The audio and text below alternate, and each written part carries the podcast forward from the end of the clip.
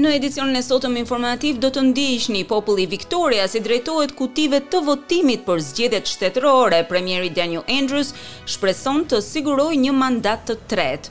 Mijëra grumbullohen në plazhin e Bondi për një fotosesion masiv nudo për të rritur ndërgjegjësimin e kancerit të lëkurës.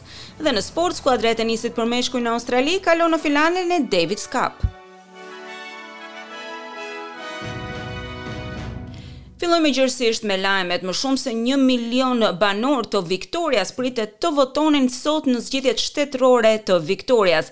duke përcaktuar dhe vendosur nëse premieri Daniel Andrews do të merrte një mandat të tretë në pushtet ose nëse opozita Matthew Guy nga koalicioni do të merrte kësaj radhe detyrën. Votimet u hapën në orën tetë të mëngjesit dhe sapo përfunduan në orën tetëmbëdhjetë, Komisioni Zgjedhor i Victorias tha se gati gjysma e të gjithë banorëve të shtetit të regjistruar për votim kanë votuar më herët ose me postë. Sistemi shëndetësor, kostoja e jetesës dhe fondet e rrjetit hekurudhor kanë qenë që të gjitha pika qendrore për fushatat e Partisë Laburiste, koalicionit dhe Partisë së Gjelbër.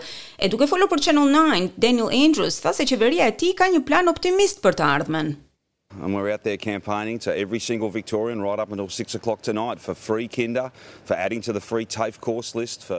Do të bëj fushatë deri në fund, deri në orën gjashtë sot për këdo. Ne duam që të japim kurse falas në TAFE, energji të rinovueshme në mënyrë që energjia elektrike të jetë e përballueshme për njerëzit, pa fitime. Nëse nuk ju pëlqen kompania juaj e energjisë, votoni laburistët.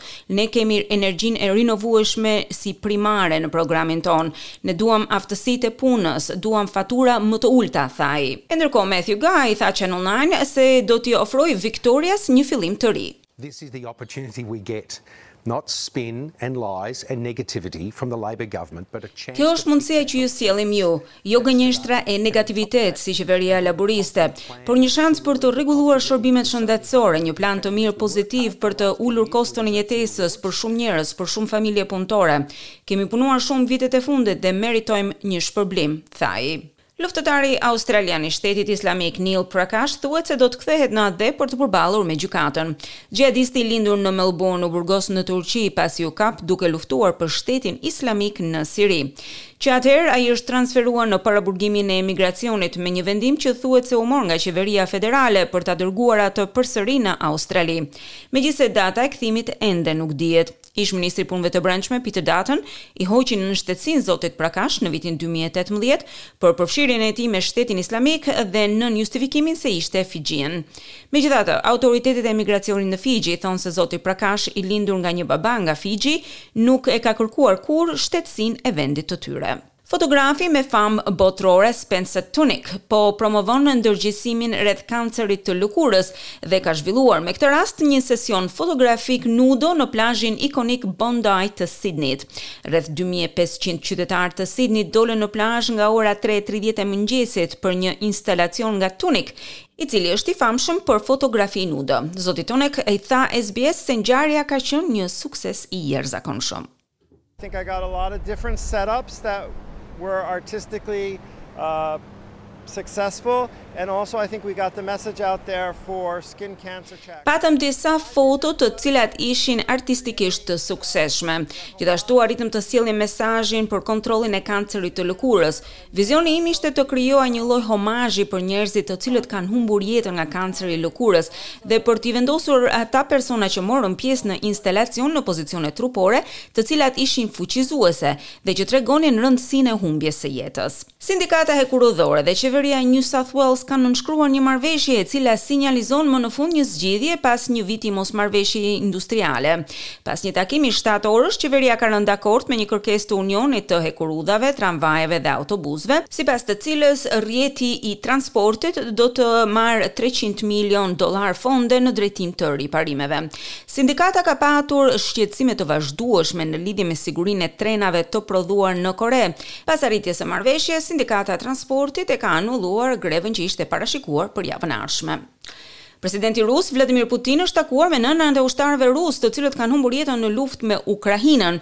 Në një video të orkestruar me kujdes, shtatëmbëdhjetë nëna ulen në një tryezë të ngarkuar me çaj e torta dhe i tregojnë presidentit historinë e humbjes së djemve të tyre në vijën e parë të luftës. Takimi dyorësh në rezidencën e Putinit përkoi dhe me Ditën e Nënave në Rusi. The important thing is that we are all mortal, we are all in God's hands and some day we will all leave this. Ajo që ka rëndësi është që ta mbajmë mend se jemi që të gjithë të vdekshëm, jemi në duart e Zotit e një ditë të gjithë do të largohemi nga kjo botë, është e pashmangshme. Pyetja është se si kemi jetuar. Për disa njerëz kjo është e paqartë. Ata vdesin nga vodka apo nga diçka tjetër, kanë jetuar apo jo, kjo nuk dihet. Jeta u rrëshqet atyre në mënyrë të padukshme, është e paqartë nëse një person ka jetuar apo jo, por djali juaj ka jetuar, qëllimi i tij u arrit, tha ai.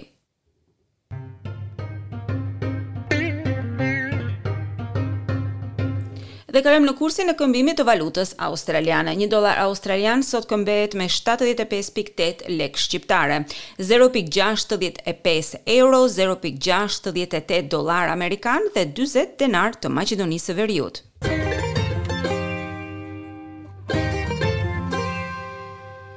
Kalojmë në sport, lojtarët australianë kanë sfiduar të gjitha shanset dhe kanë shkuar në finalen e tyre të parë të Davis Cup në nëntëmbëdhjetë vitet e fundit. Dyshja australiane Jordan Thompson dhe Max Purcell mundi Kroacinë në një fitore dy me një në gjysmëfinale. Lajmi vjen pasi Alex de Minaur e tërhoqi skuadrën nga pragu me fitoren e tij barazuese ndaj Marin Cilic. Të dielën australianët do të përballen ose me Kanadanë ose me Italinë në finalen e madhe.